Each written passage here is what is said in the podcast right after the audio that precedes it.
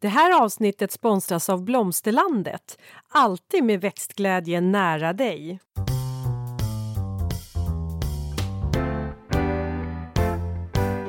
Välkommen till Ulrika och Lindas trädgårdspodd och det är jag som är Linda Kylén, trädgårdsmästare. Och det är jag som är Ulrika Levin, trädgårdsdesigner. Och nu, kära lyssnare, är det nämligen så här att det är dags för min och Lindas årliga poddresa.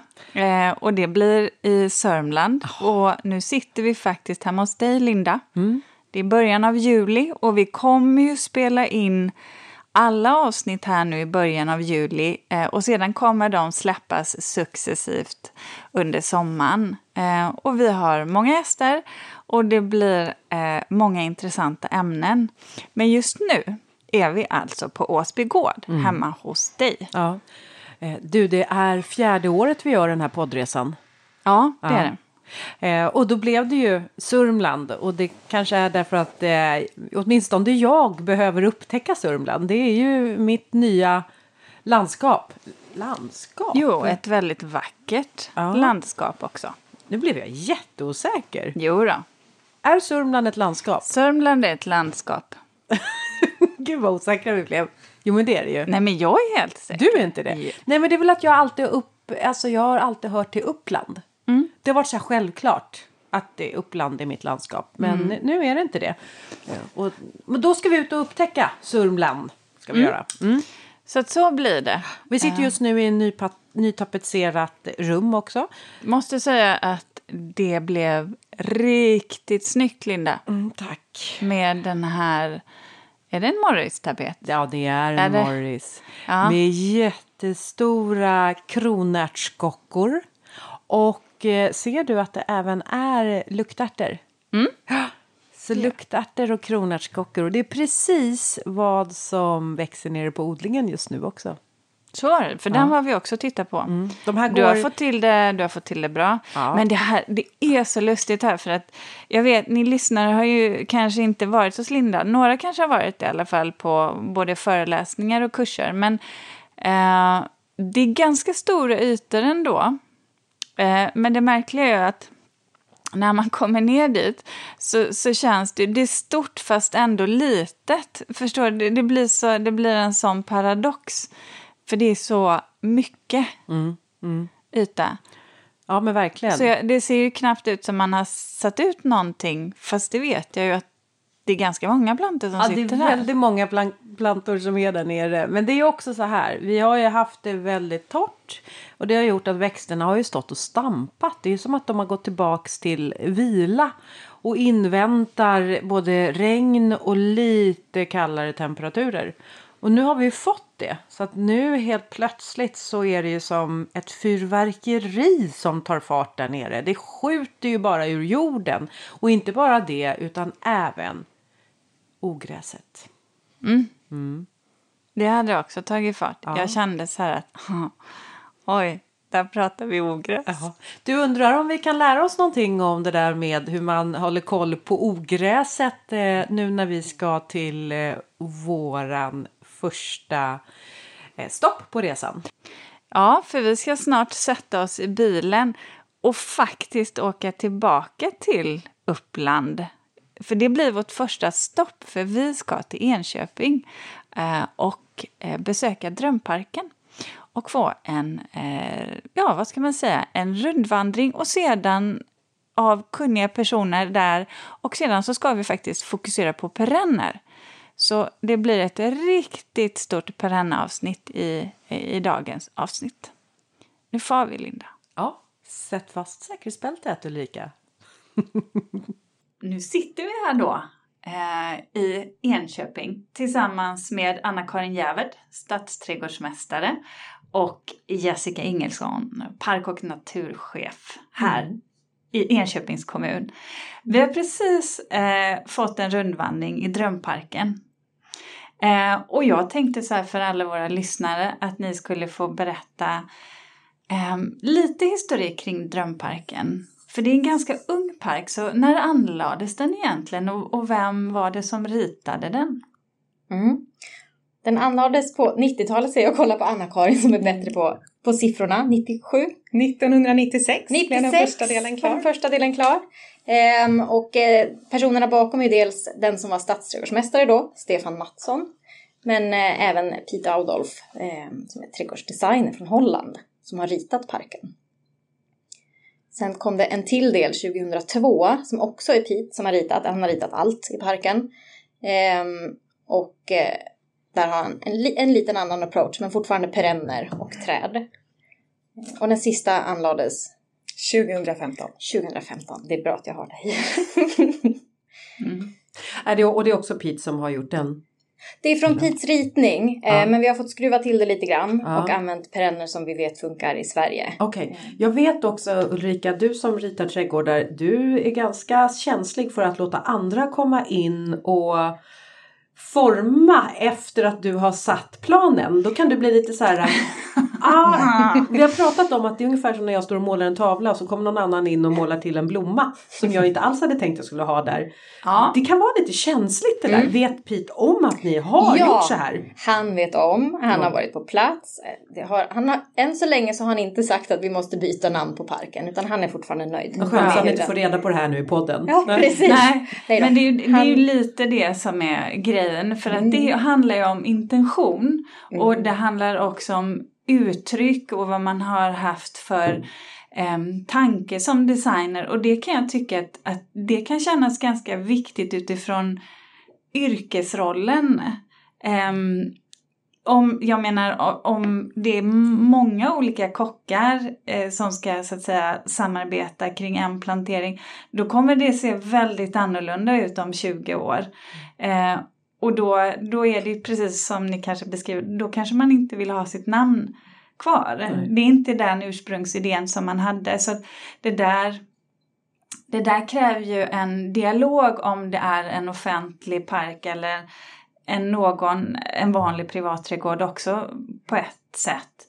Men att man då tittar på intentionen och funderar på vad, vad är tanken egentligen och hur, hur sann måste man vara eh, mot den som har gjort det. Jag tycker det är ännu viktigare än en offentlig park än Mm.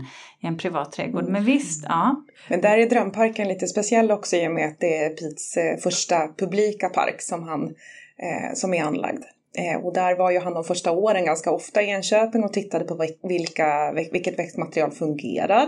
Eh, vad är det som inte fungerar? Och han och Stefan Mattsson hade ju en väldigt tät dialog där. Eh, och vi är väldigt noggranna med att gå tillbaka till originalritningarna för att bibehålla just karaktärerna. För de är ju, eh, det är ju det som gör Drömparken till det den är. Eh, Så det är ju jätteviktigt för alla oss som arbetar med parken. Vad skulle du säga är karaktären för Eh, drömparken?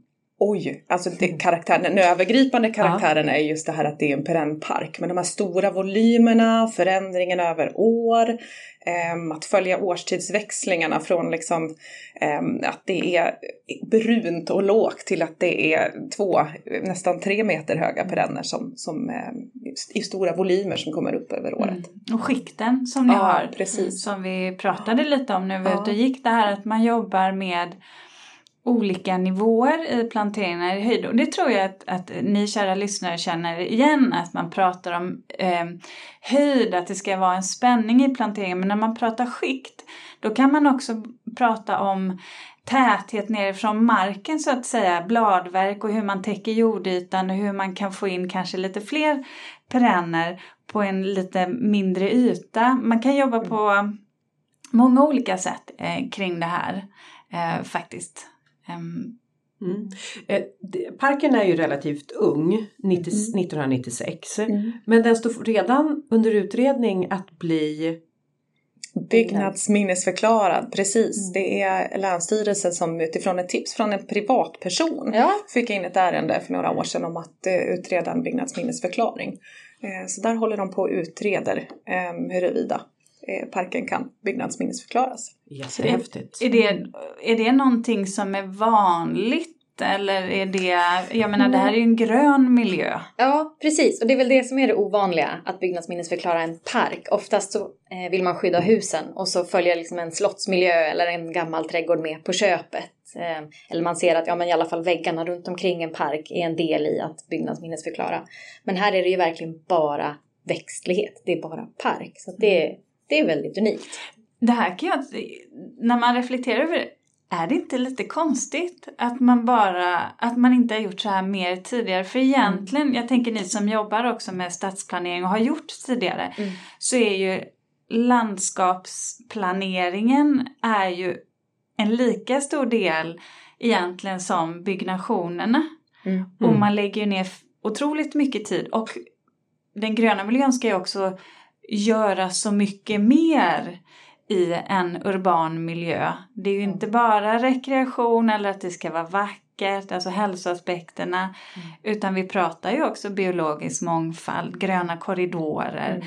vi pratar dagvatten, mm. eh, skugga, liksom sänka temperaturen. Så förutom det då rent så att säga estetiska och arkitektoniska. Att, så för miljön? ja, egentligen är det ganska märkligt mm. i och med att eh, man ritar de här miljöerna också precis som du ritar en byggnad. Mm. Det finns man tänker alléer har ju automatiskt ja, ett, ett skydd. Ja, ja. Eh, och man jobbar ju med att skydda natur, man kan skapa naturreservat och liknande. Så jag håller med, det borde ju finnas parkreservat eller ja. liknande, så att vi skyddar. Ja. Men det kanske är att detaljplanerna skyddar i sig också, för de pekar ju också ut här ska det vara en mm. park. Vilken markanvändning det ska vara. Mm. Ja. Fast det är någonting inom mig säger att det, det, vi kommer vara med om en förändring. Ja. Jag, jag är ganska säker på det med tanke på vilket klimat, eh, var vi befinner oss någonstans. Att vi förstår att eh, vi må, det här har de här värdena. Och kanske se de gröna miljöerna också som en konstform. Eh, precis som man tittar på när en arkitekt har ritat ett hus. Mm. Mm. Att, att man faktiskt ser vad de som ritar de gröna miljöerna, vilken roll vi spelar. Eh, och kanske värdesätta det på ett annat sätt. För för mig så är det ett, ut, en, eh, ett uttryckssätt eller en uttrycksform. Ja. Precis som arkitektur, mm. Konst, musik. Så vi håller tummarna för att det går igenom. Ja, ja det gör vi också. Mm. ja, men det känns jättespännande. Sen tror jag att utmaningen är väl det här att vi, vi arbetar med levande material. Mm. Vilket innebär, apropå klimatförändring, apropå att, att eh, ja, men sorter går ut, det finns liksom ingen... Eh, en byggnad räknar man ju ofta med att den står där i ja, men, hundra år, eller flera hundra år. Eh, medan växtmaterialet, ja träden är väl i huvudsak ganska pålitliga. Men mm. det, det, finns en förändring inbyggt i det. Men, ehm, så det kan vara en del av utmaningen tror jag. Ja men om man men tänker det. historiska mm. trädgårdar som kanske haft buxbomshäckar ja. och sen så kommer mm. liksom slås alla ut och så ska man byta ut dem och så, så är det någon som säger nej det står buxbom i pappret, ja. det ska vara buxbom. Mm. Så där har vi en tät dialog med ja. Länsstyrelsen för att vi ska kunna säkerställa att parken fortsätter fungera som en park. Mm. Vi hade en ask och sen hade ni planterat in en eh, var det en ek? Det var en röd ek var det. Mm. Och det var också för att ni ska växla av eh, asken. Ni kan se att mm. här börjar det bli intorkade grenar. Ja, och alla träd, ju längre de lever desto bättre. Men de flesta har ett bäst före-datum. Mm. Eh, och den där delen av drömparken där asken står är ju den skuggigaste delen. Och vi vill ju mm. att det ska fortsätta vara en skuggig del. Lite grann utifrån vad Pete också tänkte. Mm. Så därför måste vi också vara med i vår planering. Och säkerställa att det kan finnas skugga även den dagen asken inte finns kvar.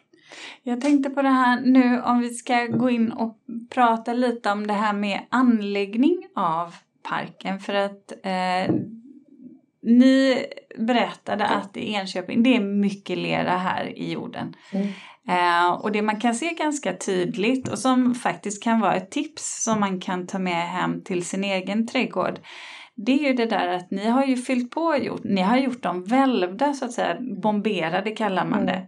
på fackspråk. Eh, och det är ju faktiskt ett sätt som, som man kan jobba med om man har en väldigt svår jord eller man behöver höja jordytan. Men sen berättade ni också att ni behöver ibland gräva ur det. Och vad, hur gör ni liksom själva underarbetet och markarbetet eh, för en nyanläggning? Och hur bibehåller ni jordstrukturen sedan? Mm. Hur gör vi? Vi börjar med att gräva. Förr så krafsade vi sönder gräsmattan. Mm. Ehm, men vi ser att för att bli av med så mycket rot och gräs som möjligt, för rot och gräset är väl egentligen den största fienden som vi har i parkerna. Ja. Inte, förutom hundar som går på fel ställe. Ja. Ehm, Eh, för att vara säkra på att det är liksom en, en ren jord utan rotogräs så måste vi gräva ur. Så vi schaktar ur, vi har en grävmaskin, vi gör det inte för hand, men hemma i sin egen trädgård så kan man göra det för hand, Mm. det gör jag. Ehm, och sen så... Hur djupt? 40 centimeter? Ja, i alla fall 30, men Mm. gärna 40. Ehm, ska vi få dit träd så vill vi nog få bort mer. Det beror också lite grann på, vissa delar kanske inte har så mycket lera. Men är det mycket lera så vill vi gärna också luckra upp ehm, terrassen under. Så man inte bygger in en bassäng. Ja. Det är flera som har lerjordar som känner igen det. Att man Mm. Gör ett hål där allt vatten står. Ja, det vill vi ju inte precis. heller. Det är inte bra. Nej. Ehm, och sen är det så att det är i en gräsmatta eller det finns rotogräs i närheten, då lägger vi en duk i kanten så att det inte kan vandra in. Eh, ibland så har vi en stenkant, eh, kantsten heter det. Ehm, och då försöker vi gjuta så mycket som möjligt på utsidan så att vi inte tar växtbädden med betong på insidan av planteringen. Bra, Mm. det där, det där eh, stå på er. Ja. När ni har anläggare som säger att de vill ha eh, uppbyggnadsmaterialet under kantstenen en halv meter in i planteringen. Nej, det finns andra sätt. Nu Mm. hörde ni det Ja. från Jessica. Precis. Bra. Ja, vi har ju eh, anläggning i egen regi. Det är inte Mm. bara skötseln vi har i egen regi, utan vi har egna anläggare också. Så de, är ju, de vet precis hur vi vill ha det. Och de sitter ju vid samma lunchbord som trädgårdsmästarna, så har de gjort fel så får de höra det på lunchen sen. Eh, Så det är ett smart knep också om man jobbar med offentliga miljöer och har egen Ja. regi. Men vad menar du med det? Att det är oftast att Nej, men- anläggare tycker att det ska Ja, in om man i så att säga, rabatten? ja, Mm, jo, men om du sidor. har en sten, om du har kanske en, en stenlagd gång och så ska ha en plantering eh, precis kant i kant. Då är det många eh, anläggare som vill lägga bärlagret, alltså stenkrossen och stenmjölet. Det drar de ut då i planteringen. Vilket gör att de första 25 centimetrarna sällan går att plantera någonting i. Du gräver i stenmjöl. Eh, det är ju inte optimalt utan det man får göra då det är ju gjuta den, den kanten får ju stabiliseras på annat sätt så att den då blir ett mothåll för stenen och sedan att det kan vara den här mjukare jorden på andra sidan för det är ju det som är problemet när du har sten och mjuk jord. Går du då i, i mötet mellan de här två materialen och du inte har en kant som kan hålla sig på plats, då kommer stenen sätta sig. Men så att eh, det går faktiskt att stabilisera den ändå och det, man, får bara, man får bara stå på sig Mm. helt enkelt. Mm. Så när vi har kanten på plats, eller Ja. när vi har lagt en duk då, om det är en grönyta, då fyller vi på med jord. Eh, och vi, har en jord, vi använder en jord som är väldigt sandig, eh, så att den liksom håller över tid. Ehm, och då bomberar vi, precis som du var inne på, så att det i alla fall är på mitten minst 10 cm högre på mitten. Så det blir som en liten kulle. Eh, och vi brukar använda ogödslad jord, för vi försöker göra så mycket planteringar som möjligt på hösten. Och så får det ligga över vintern utan att ha planterats och så får det sätta sig och så gödslar vi upp och planterar på våren. I och med att det blir mindre och mindre vatten eller torrare och torrare somrar så håller vi nu på att ändra om vårt arbetssätt och försöka att plantera mer på hösten istället. Speciellt träd, men även perenner och buskar. Så att vi kan få hjälp av höstregnet under liksom den första etableringstiden. Då har vi lite försprång sen nästa säsong. Mm. Och, det där, och när ni säger hösten där, eh, vad, vad, är, vad är hösten? Är det augusti för er då? Liksom slutet på augusti, början på september? September, oktober skulle jag säga. Mm. Det är fortfarande torrt och det är ingen dagg och det är risk att det inte regnar så mycket i Mm. augusti också.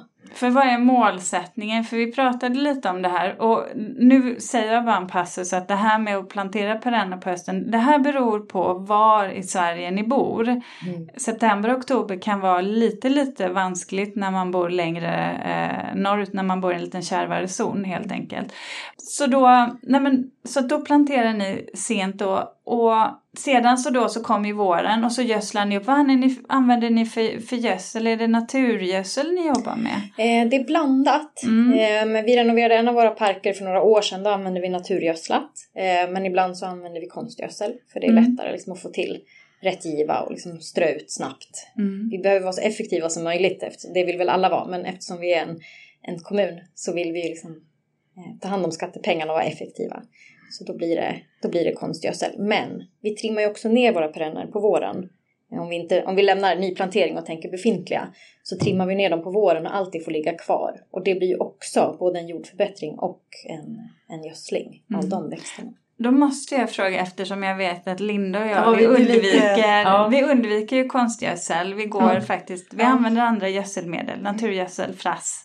Mm. Eh, och testar lite olika saker. Och vi har ju, ehm, och det här med konstgödsel är ju någonting som är lite problematiskt och jag vet att ni kommunen, nu säger jag ni, men Mm. många gånger så är ju kommuner ganska duktiga på att ligga i framkant med att så att säga eh, både när det gäller biodiversitet och eh, klimatförändringar. Och då är jag lite nyfiken på, hur ser ni på det här med konstgödsel? Är det en fråga som är uppe för diskussion? Jag vet ju att det, det är ju effektivt Mm.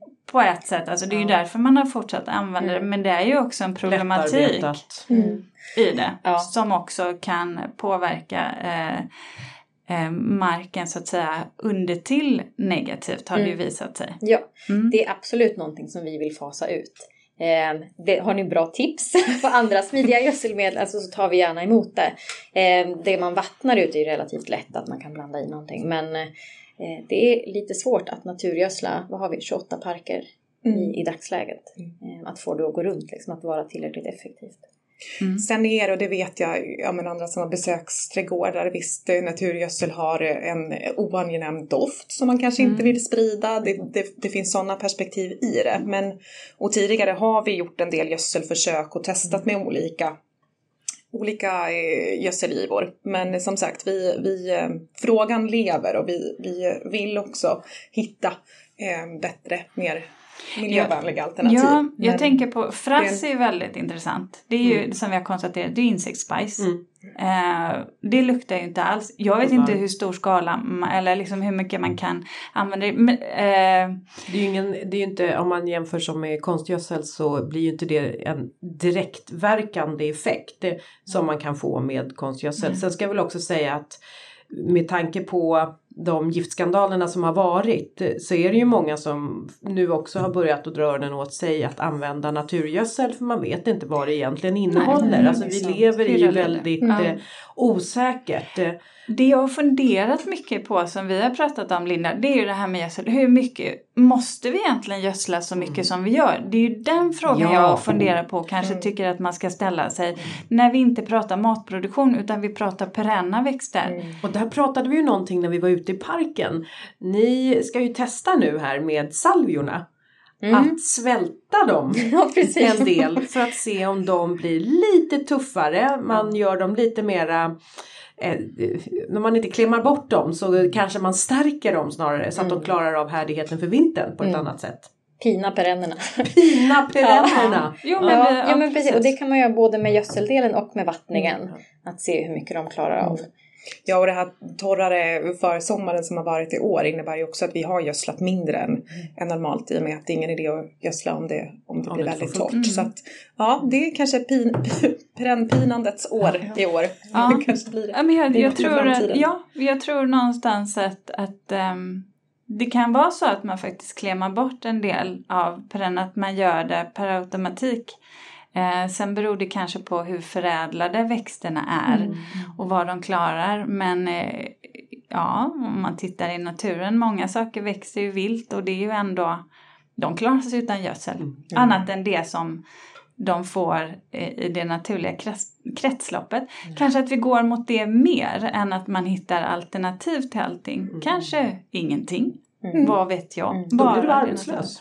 Va? Då blir du arbetslös. Nej, vadå inte? Jag, jag, tycker lever inte på gödsel. Nej, men jag tänker på att vi ska låta naturen ta över. Den vilda naturen ta över och Ja, inte precis. Men då skulle det inte finnas städer eller någonting. Jag tänker så här, vet du vad? Vi människor har också en del i det cirkulära kretsloppet. Vi, vi är också en del av, Ja. av den biologiska mångfalden, det tror jag.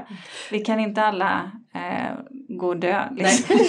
Nej, Och det så, tycker jag nu, nu hamnar vi i en helt annan riktning om drömparken. Ta tillbaka det Linda. Men hörni, då, vi var inne på salvia. Vad har ni för typer av perenner i drömparken? Oj, hur lång tid var det här? Ja. Vi, vi tänker då på stil och Mm. ståndortskrav, karaktär. Mm. Vi kan ju börja med att säga att det finns ju över 300 olika sorters eh, perenner och, och gräs. Ehm, så de varierar ju givet i sin karaktär och form och, och växtsätt. Ehm, men karaktäristiskt. Ehm, gräsen är ju en stor del, de står ju också över vintern sen, apropå det Jessica sa att vi trimmar inte ner perennerna för en tidig vår. Mycket stora volymer av eh, fläckflockel, en korgblommig med stora liksom blomster. Jättevacker. Ja, otrolig. Ja. Ehm, Ståtlig sensomarblommande perenn. Ja. Ja. Och det, och det är ju många som drar igång ja, men nu juli och augusti. Liksom. Det är därför vi har kompletterat med lök. Så det är ju också en viktig del i en perennplantering kanske. Att komplettera med löken. Men det är väl mycket inspirerat från ängar och sen har det dragit iväg till liksom mera praktfulla perenner. Men man kan ändå se det här skira gräset som du var inne på också. Det är mycket, mycket rosa och vitt och eh, grönt. Violett. Mm. Ja, Många. violett. Precis, många astrar som liksom lyser upp på hösten. Ja, för det är ju en skiftning där, som du sa. Alltså, man kan ju verkligen se... ehm, dels har jag besökt Drömparken tidigare och det har ju du också Linda.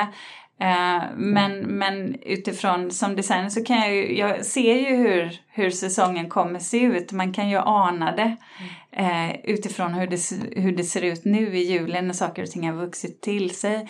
Men du, sa, du nämnde lökar och det här tycker jag är, ska bli lite spännande att se. När ni har gjort en nyanläggning och säger att ni har planterat perennerna och även med kanske ert nya eh, arbetssätt att ni planterar då säger vi hösten om ni skulle göra hösten nu 2023. När, vilken år, vilket år skulle ni då plantera era lökar? Eh, om vi skulle göra en, om vi gör en park nu Ja, i år, Mm. då planterar vi löken i höst. ni gör det? Mm. Mhm. Förutsatt att vi hinner få tag på den och, Ja, och sådär. Ja. Spännande. Mm. Ni känner inte att ni får någon rotkonkurrens där mellan perennerna och lökarna? Nej, det är ingenting vi har upplevt Nej? Hittills. Jag ska Mm. ta ett trä när jag säger det, men nej, det har vi inte upplevt. Nej? Mm. Jag vet, det här brukar Ulrika prata om. Ja.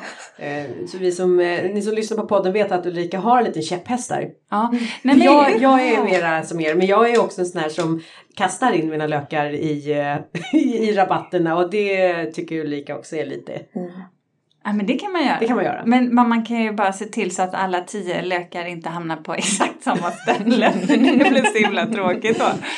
Nej, men så här, det beror ju lite på hur mycket lök man planterar.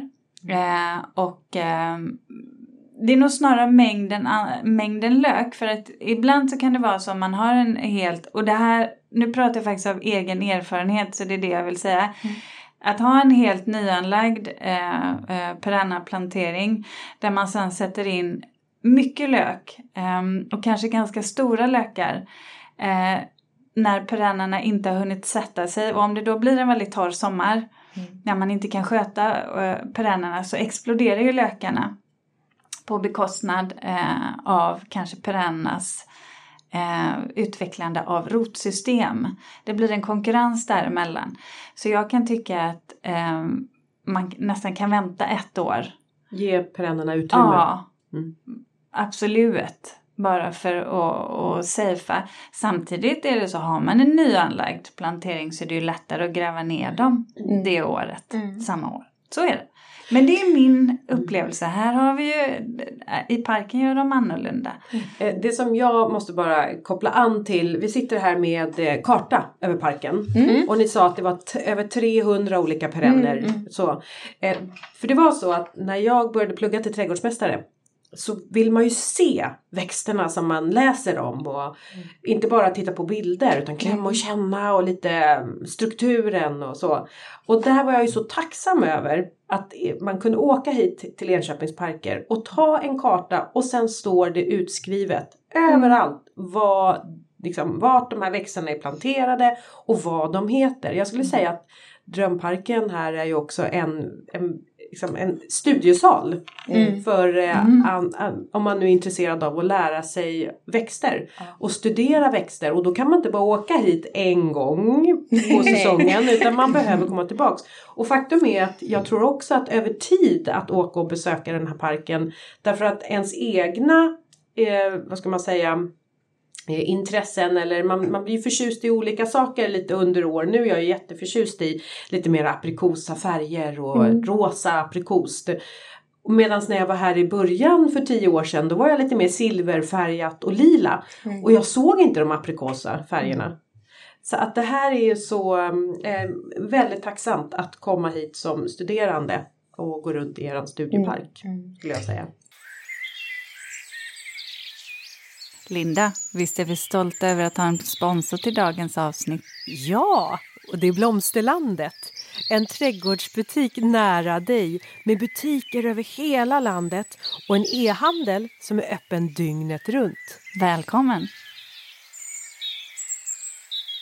Vi märker ju också att vi har ju väldigt många besökare som uppskattar våra parkblad. Vi, vi ja, apropå förändringens vindar, det här papperslösa samhället har vi inte heller riktigt kommit till ännu. Men eh, vi jobbar på att också få upp eh, ja, men alla våra parkblad på så att du ska kunna via en QR-kod skanna dem och komma åt dem. Den- så att den vi också ska, där. Ja, vi, är vi är på gång. Men, men en just karta. absolut, att kunna vända och Mm. titta Mm. och följa parken på det sättet. Mm. Och det finns ju i, ja men även i våra fickparker i Enköping så har vi parkblad. Vad skulle ni säga är eh, enligt, eh, ni får själva bestämma, de vackra kombinationerna? Och det blir en sån här klassisk det beror på. Ja. Eh, Det beror på säsong och det beror på... Ja, precis. Eh, Men vi pratade ju med flera kollegor också häromdagen om det. Men på våren är det ju många som är svaga Ja. för flikrabarbern som är En- sådär mörklila. En rödbladig rubra Ja. heter den. Precis, tillsammans med en tulpansort. Tror den heter Orange, Orange Emperor. Emperor. Ja, Mm. Det, det är så vackert Ja. att man, liksom, man måste stanna bilen. Mm. Man, för det, Finns den här i parken? Ja. Ja. Precis den är entrén. precis vid entrén så man ser den liksom Oh. direkt. Så det är en fantastisk vårkombination. Vi Mm. pratade tidigare om Amsonian också som ser ut som typ blåsvart daggiga Ja. sparrisar typ. Ja. Det är en sån oväntad liksom, färg i trädgård där mycket är grönt, Mm. vilket är, är helt fantastiskt det också. Men där tidigt på våren med den här riktigt, riktigt eh, blåsvarta Mm. färgen. Som Och så lite balkansippor. Ja. Mm. Ehm, Frodig grönska nu var det. Ja, den. är det grönska. Va, vad är det för färg på Balkansipporna? Eh, Det är både blå och vita. Mm. Blandat. Blandat. Ja. Mm, snyggt. Mm. Mm. Ja, det är fint. Ja. Den, det är vi nöjda. Nej men sen pratade vi lite om Purple Sensation, den här alliumen som eh, eh, sprider sig som ett ogräs. Men den är ju också fantastiskt bildskön när den kommer upp med sina lila bollar. Det är den ju Ehm. mot det här gröna. För då Ja. är det också så här ofta ett krispigt grönt. Det är ju en sån enkel färgkombination. Ja. Men som sagt, håll koll på dem. Ja, vi började ju lista vad är våra värsta ogräs och den är ju nästan på en ogräslista ibland. Så att ta bort fröställningarna och håll koll på den. Annars, annars tar den över. Ja. Ja, Sen nu alltså, Mm. ja det, det, det finns så mycket vackert. Det gör det verkligen. Ehm, just nu är ju um, Gillenian helt magisk. Ja, för den hade ni tillsammans med en krollilja Mm. som var lite bärnstensgul skulle jag vilja beskriva den. Ja, Och det, det var en väldigt vacker Ja, där kombo. blev jag knockad. Blev jag. jag var till och med tvungen att, ja, precis. Jag var till och med tvungen att låta mig filmas tillsammans med den. Ta en selfie Ja. med den. Alltså, vad heter den? Mrs R.O. Backhouse. Den tycker jag man ska googla eh, faktiskt och kolla upp. Komma och hit Gillenia. titta på. Absolut. Den blommar ett tag till. Ja men det gör den. Ja. Ja, och doftar fantastiskt också. Så och när var hög. Hyfsat Ja. hög. Ja, högre än Vilket gjorde att den kom Lite så lundväxt. vackert. Ehm, ja, eh, väldigt fin Mm. med det här skira. Eh, oväntad kombo. Ja. Eh, jag tyckte om den jättemycket faktiskt. Ja. Eh, I den näst nyaste delen av parken, där sa ni att där började Pito rita in två perenner tillsammans. Mm. Och då fastnade jag för en kombination och det var grekvedden Mm. och sen var det en flox. Vilken flox var det? Eh, aster tror jag. Var aster ja, var det. Twilight tror jag Ja, det är som står det. där. Ja. Ja. Eh, ja, och då blir det också, för då är grekvedden blommar rätt så tidigt. Den blommar ju nu och är jättefin. Och sen kommer liksom asten när det börjar bli lite mera höst. Mm. Vilken Så- färg var den? Den är Ljus- ljuslila. lila blå, Ja. Jag tyckte att jag såg att den var i blom samtidigt där ute också. Mm. ja, det Men det var var, större. nog en, det var nog på ett annat ställe. Ja, ett annat Ehm, ställe. Ja, Mm. och där var det nog Flox. Ja. Som du ja, men tittade måste på. det vara Mm. det. Det var därför jag tänkte. Ja, men då, då- fast å mm. andra sidan var inte det då i den här näst nyaste Nej, delen. utan det var det var en annan del. precis. Så Men det var där var jag inte fick ihop det. Ja. Nej, Ja. precis. Det går att gå Men, men vilse jag i var den tur parken. att vi är ett Jag var team med. här. Ulrika, vad såg du då? Jag fastnade för samma som du faktiskt där. Eh, just grekveden, det här lite purpur, vinröda med det violetta, lite blåvioletta eh, floxen där. Jag tyckte det var jättefint. Ja. Ehm, men sen så gillar jag ju strukturen. Jag gillar ju de här cylindrarna, eller liksom personer, Mm. bokcirklarna där. Och sen gräsen som nu, där vissa faktiskt har börjat blomma redan, de tidiga. Jag- Ja, jag tycker om spänningen i parken och siktlinjerna. Siktlinjerna. Mm, de gillar det också. Eh, men sen så tror jag mer att också just den här du vet helheten, återigen, det blir så vilsamt, det blir intressant. Jag tycker det är jättespännande att man har återigen beskurit upp de här lignoserna, träden, alltså buskträden. Så att man kan se igenom, att man får en genomsiktlighet. Nej, det är snyggt alltså här eh, i Enköping, Drömparken. Det är Och väldigt vackert. Vi måste prata om salviafloden. För det är väl egentligen också någonting som många har som ett kännetecken för Drömparken. Mm. Där berättade ni att ni har en stående beställning. Ja, vi har en stående beställning på, jag tror att det fortfarande är 900 plantor eh, per år. För att vi måste komplettera beroende på hur vintern har varit eh, och liknande. Men eh, som vi var inne på i år så försöker vi att dra ner på bevattningen och pina perennerna lite grann. Så vi får se om det kommer att gå ut på samma sätt eller om de faktiskt pallar vintern. Det vore skönt att inte ha nästan tusen plantor som man måste Mm. komplettera med. Ja, för det där, då tänker jag så här, vad, vad är egentligen, vad har varit utmaningen med att ha en sån här stor perenna plantering? För att jag tror att man lätt kan luras och tro att bara för att man har perenner så är allting lättskött. Det kan jag ju till och med få erkänna att jag själv säger. Men det är ju en sanning med modifikation det där. Rätt växt på rätt plats, det, det har vi ju pratat om. Men vad ser ni för utmaningar både kanske i växtvalet, i förändringar i klimat och vad gör ni, vad gör ni aktivt åt det? Hur försöker ni liksom tänka?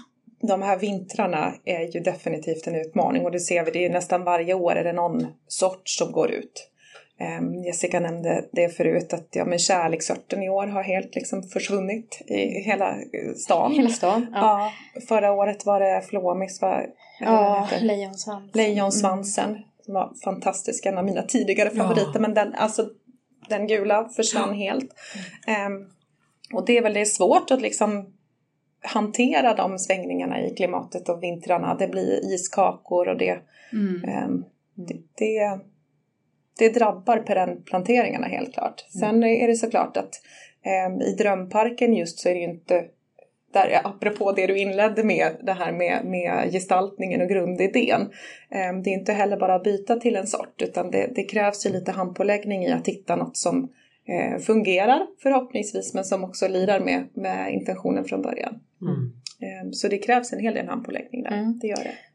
Och att våga testa lite också. Ja, Och sen har vi en liten mellanväg där, apropå Ja. att våga testa grejer. För vi kanske inte vill ta en nyhet och plantera ut direkt i drömparken. För vi vet ju inte vad som händer. Nej. Så vi har ju ett perennförsök mm. i Enköping. Eh, där en väldigt stor del är våran personal. Det pratar vi också om egen regi. Det skulle inte gå att ha en drömpark om vi inte hade egen regi och våra trädgårdsmästare.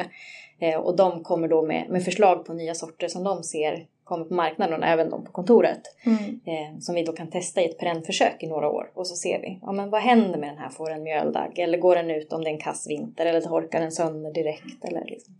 eh, och sen om den klarar perennförsökstestet, då får den komma ut i drömparken. Så att vi inte springer för fort Mm. för att våga testa nya sorter. Ja, för så är det ju. Och det är ju alltid skillnad. Köper man tre stycken så spelar det ingen roll. Men har man ritat in kanske 400 av någonting, Mm. då är det inte lika roligt om de eh, bara går och dör. Eh, men det- det måste ju vara en avvägning, för jag tänker att på att om man bara kör med säkra kort Mm. Så blir det ju snart en monokultur också, vilket i sig då blir ett problem. Ja. Så hur balanserar ni det? Vi har pratat väldigt mycket just om att vi måste våga prova. Eh, och Enköping och våra parker skulle ju inte se ut som de gör om det inte hade varit för att eh, våra föregångare har vågat provat eh, och introducerat och testat sorter i olika skala för att se vad som faktiskt fungerar. Eh, och där är det ju en balansgång apropå biologisk mångfald och, och eh, använda inhemskt material men också, eh, också använda sig av icke inhemskt i, i vissa ja, lite beroende på plats helt enkelt. Har ni börjat fundera på att introducera, nu kanske inte det går i drömparken för här har man ju så en tydlig vision, men att introducera eh, vilda växter tillsammans med perenner. Det vet jag är en diskussion som, som, eh, som pågår. Just där att man ska ha mer inhemska växter just då, både som värdväxter det vill säga mat för, för olika insekter och fjärilar, fjärilar i larvstadiet men också Eh, sen i... Pratar du brännässlor? Jag pratar brännässlor. det ska vi komma tillbaka till. Vi ska prata värdväxter. Men jag tänker Det har blivit din nya favorit. Absolut sjukt nyttig, ska jag bara säga. Otroligt mycket näring i en brännässla även för oss människor. Mm. Eh, vill jag bara säga. Men jag ska jag... bjuda in dig till mitt brännässlegärde som jag, jag har. Jag kommer Linda, jag kommer ja. som ett skott. Gör nässelvatten så har du rotat ut ja, dem. Ja precis, på tal om gödning. Mm. Men eh, det jag tänkte fråga var, eh, jag vet att, att det pågår en diskussion om att man kanske då ska få in lite mer inhemskt material även liksom på perenna-sidan. Det jag är lite så här intresserad av på grund av, eller utifrån det du sa det här med perenna-försöket. Mm. Det är också en sak som eh, som jag tänker kanske inte låter göra sig så himla enkelt för det är ofta så att säga det krävs väldigt olika ståndort, kanske närings, eh, näringsgivorna ska vara väldigt olika för lite mer vilda växter kontra, eh, kontra förädlade växter och vem, vem kommer vinna? Är det någon som kommer ta över? Hur, hur tänker ni liksom i Enköping som kommun kring det där? Och gör man några tester utifrån det också? Jag tänker på våra blomsteråkrar. Jag vet inte om du också ja. tänkte på det Jessica? Nej, jag tänkte på en idéträdgård vi hade tidigare ja. som hette Linnés nyckel. Mm. Men eh, du kan väl börja prata blomsteråkrarna så pratar jag Linnés mm. nyckel sen. Eh, och det tänkte jag mer apropå det här vilda i, eh, vi pratade lite om att det är lerjord här. Eh, det är en utmaning. Eh, jag tänker att många, man pratar ju mycket om Eh, om ängar. Eh, och det är ju någonting som, som vi som kommun också drömmer om. Eh, men ofta blir det ju liksom det, det kommer och det här i Enköping så är det tisten som kommer. Åkertisten. Mm. Mm. Eh, apropå den som ja. ligger djupt rotad och vilar och väntar på att få göra entré. Eh, så det kan ju vara en utmaning det där apropå vem är det som vinner till slut. Ja, åkertisten skulle jag tippa som en klar favorit. Där. Precis, men där försöker vi i våra blomsteråkrar arbeta med eh, ja, men att, att hitta ett eh, ängsmaterial Eh, eller blom, blomsterfrö som faktiskt funkar i den här lite fetare jorden. Mm. Apropå ståndortsanpassning också och jobba utifrån den jord som finns. Mm.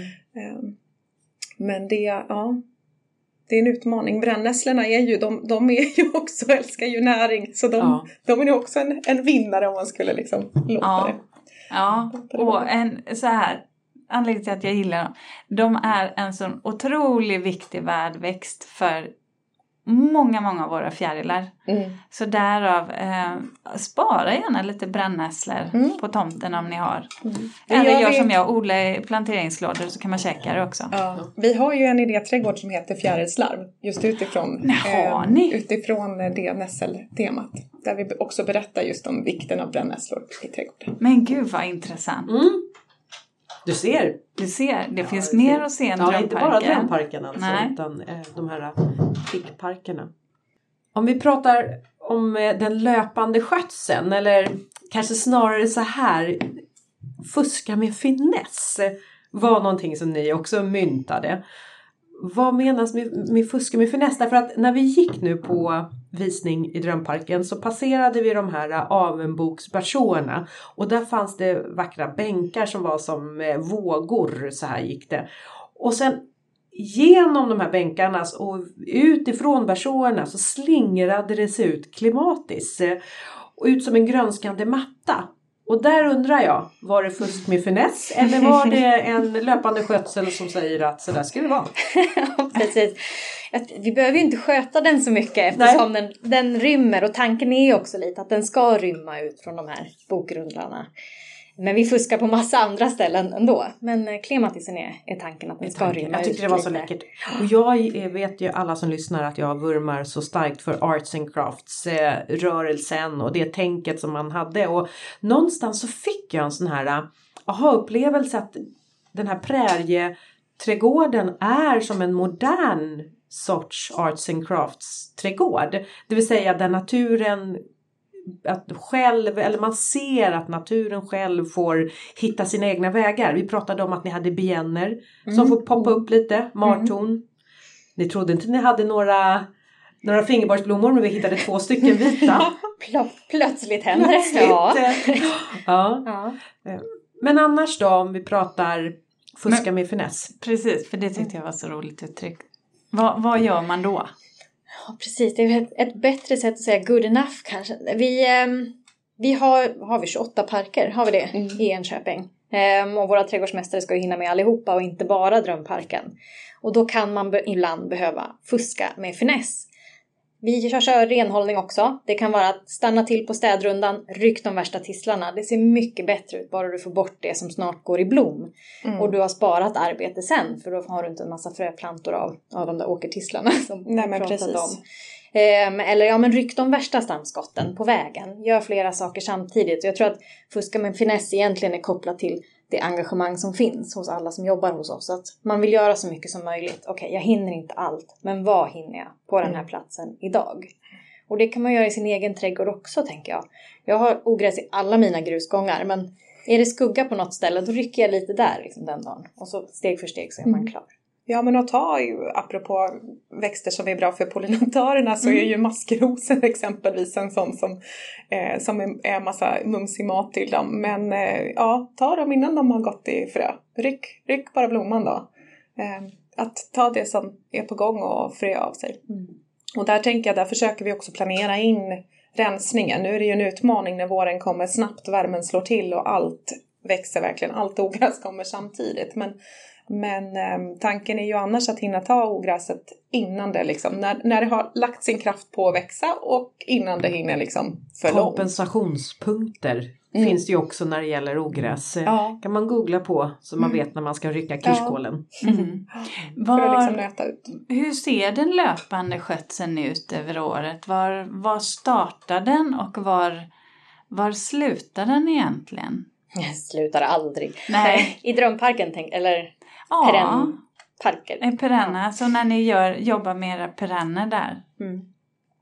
Vi lämnar ju alla våra perenner över vintern. eh, Så att man får, liksom, har man tur får man väldigt vacker frost i fröställningarna. Och vissa fröställningar är ju även mat till fåglar.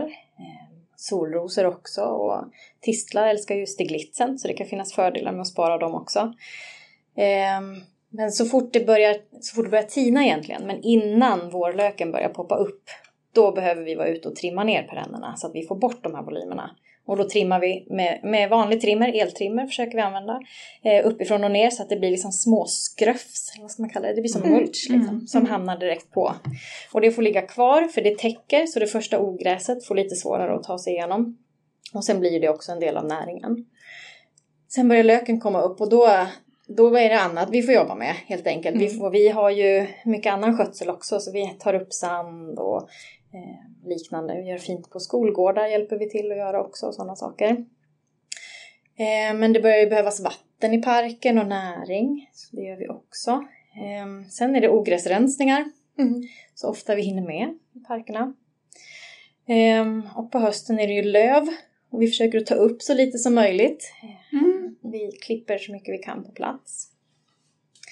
Det såg Även man i- ju verkligen ja. att det låg ett fint sådant eh, mullrikt alltså lager utav nerklippta perenner. Mm.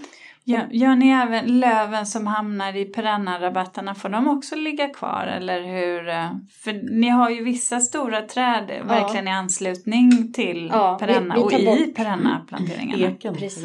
Ja. Ja. Vi tar bort från gångarna så att Ja. det inte blir liksom, ja, men annars är det risk att man halkar och Mm. vissa träd får ju otroligt mycket löv och ligger det supertätt på gräsmattan så kanske man behöver sprida ut det lite innan det klipps och sådär. Eh, Men annars får det ligga kvar och vi kan Mm. även blåsa in till exempel buskytor kan man ju även blåsa in löv också så Mm. att det blir en jordförbättring. Mm. Man behöver inte plocka upp allting och ta bort det. Nej, och det, för det tycker jag är en intressant aspekt just att som man även kan anamma i sin egen trädgård att, att mycket kan faktiskt ligga kvar. Eh, perennerna kommer hitta sin väg igenom det. Plus att eh, då om det är en torr vår så skyddar det också lite. Och om det blir så här otroligt kallt igen så det är också ett skydd. Så det är inte fel att ha kvar det där. Man behöver inte göra så många vändor till tippen. Fuska med finess. Fuska med finess. Smart skulle jag vilja säga. Ja, Ja, verkligen. och sedan, då, så att då eh, kommer hösten och sen så får allting vara. Sen kommer hösten, då kommer löken ehm, Mm. som ska sättas ner i jorden. Under, under hösten så planterar vi också så mycket vi kan. Ehm, så det är många växtleveranser på hösten. Då kommer det träd och busk och perenner och lök. Hur gör vi med lökarna där? Alltså, eh, försöker ni jobba med lökar som kommer tillbaka? Så- Ja, alltid. Ja. Ja. Ehm, vi har haft lite tulpanförsök också. Vi gillar att testa grejer innan Mm. vi går in i stor Ehm, men det är ett måste. Det måste vara saker som kommer tillbaka. Liksom. Vi vill inte ha ettåriga grejer i parkerna. Utan det ska vara säkra kort. Sen ska de kanske inte vara så säkra som Allium Purple Sensation. men säkra kort som vi kan lita på håller sig. Ja. För, löken är ju en del i gestaltningen. Den måste ju fortsätta finnas kvar precis som perennerna. Hur gör ni egentligen med det här som vi pratade lite kort om när vi rundvandringen? Um, svårigheten när man jobbar med perenner kan ju vara att vissa, vissa sorter går ut, alltså odlarna slutar ta hem dem. Men också att vissa helt plötsligt räknas som invasiva eller på risklistan för invasiva växter. Hur gör ni då? Plockar ni bort dem? Ja, hittills har vi ju inte haft några, ja, det är inte som gudaträdet söderut, vi har inte haft några sådana. Däremot så häggmispel, eh, bären, häggmispeln är ju en sån växt och där försöker vi verkligen tänka till när, var, hur den används om vi, vi skulle välja den. Och, ja, men jag, jag kloka val helt enkelt. Ehm, Daggkåpa tänker jag. ja, daggkåpa Kåpa har vi. har vi. Men inte i någon jätteutsträckning egentligen utan den, den, eh, det är nog mindre och mindre med daggkåpa. Jag tror att Ehm, ofta de, om man tänker perenner kanske främst, Mm. som, som är på gränsen till att vara invasiva, som kanske fortfarande kallas tacksamma, Mm. har ju ofta spridit sig väldigt mycket hos oss. Och vi vill ju inte ha perenner som tar över heller. Så kanske har vi redan avvecklat dem innan de klassas som invasiva. Tror jag rätt ofta. Mm. Då har vi valt att byta ut dem redan för det här funkar inte. För vi måste hela tiden vara där och, och rensa bort och hålla Mm. tillbaka.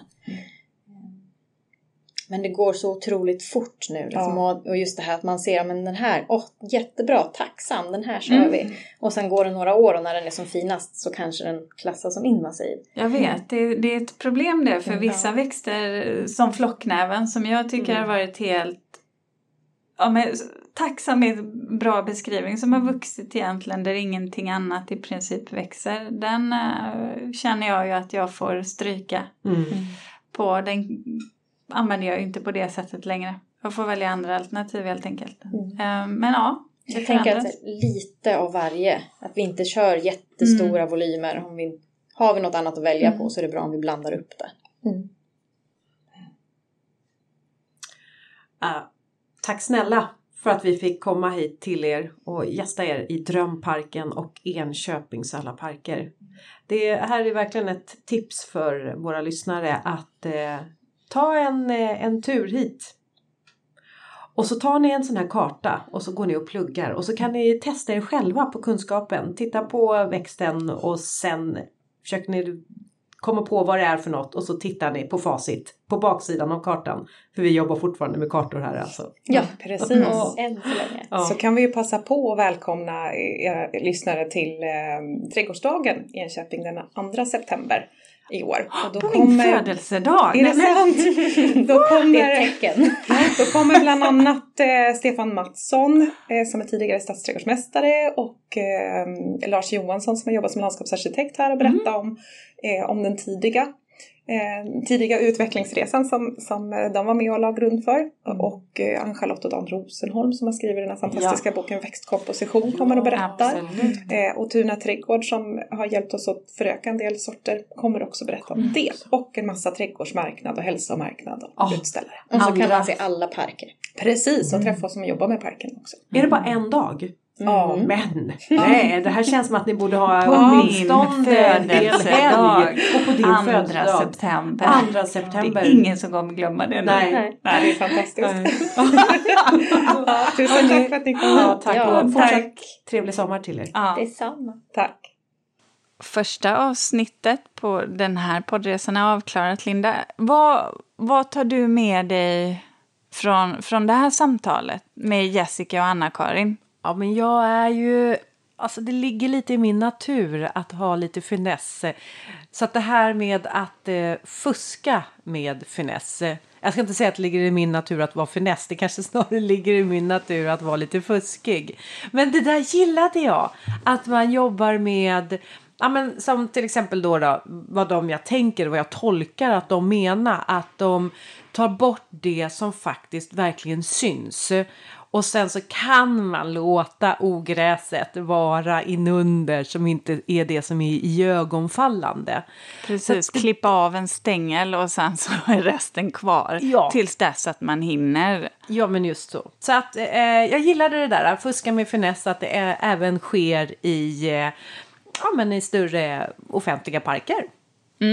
Och det är nog det jag tar med mig också. Att jag tycker att det är alltid väldigt intressant att se hur man jobbar i stor skala. För jag har ju ritat alltså både projekt i större skala och sen vanliga trädgårdar. Och det, på många sätt så, så har man ju gemensamma beröringspunkter.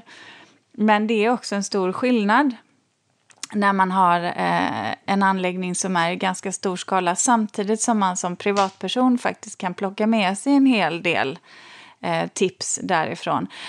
Däremot så, så, kom jag, så tänkte jag på det där med, med att plantera lök och så samtidigt samma år som man planterar perenner. Där, där håller jag nog kvar vid det att, att jag tycker man ska vänta ett år. Jag tycker man ska ge perennerna en chans att rota sig innan man låter dem få konkurrens eh, med lökarna. Speciellt om vi pratar stora lökar som, som allium, alltså riktigt stora allium som bara kan...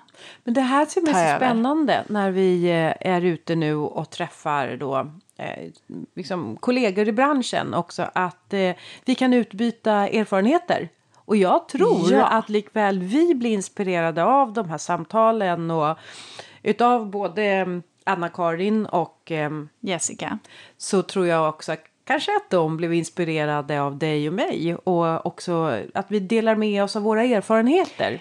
Och det tycker jag är jätteviktigt för vi lär ju av varandra. Eh, och som sagt var, eh, man har olika förutsättningar där man odlar, man har olika erfarenheter, man har olika eh, mycket tid att lägga ner. Eh, vissa kanske kan klara av att ha ganska svårbemästrade växter för de har tiden att pyssla.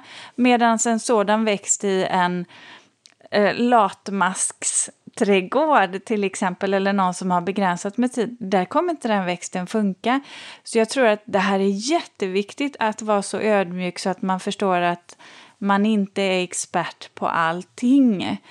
Då tror jag man går bet om man skulle ha den inställningen. Jag tycker det är superintressant med de här samtalen och jag hoppas också att, att vi får med det, ehm, förmedla det till er lyssnare. Du vet du vad?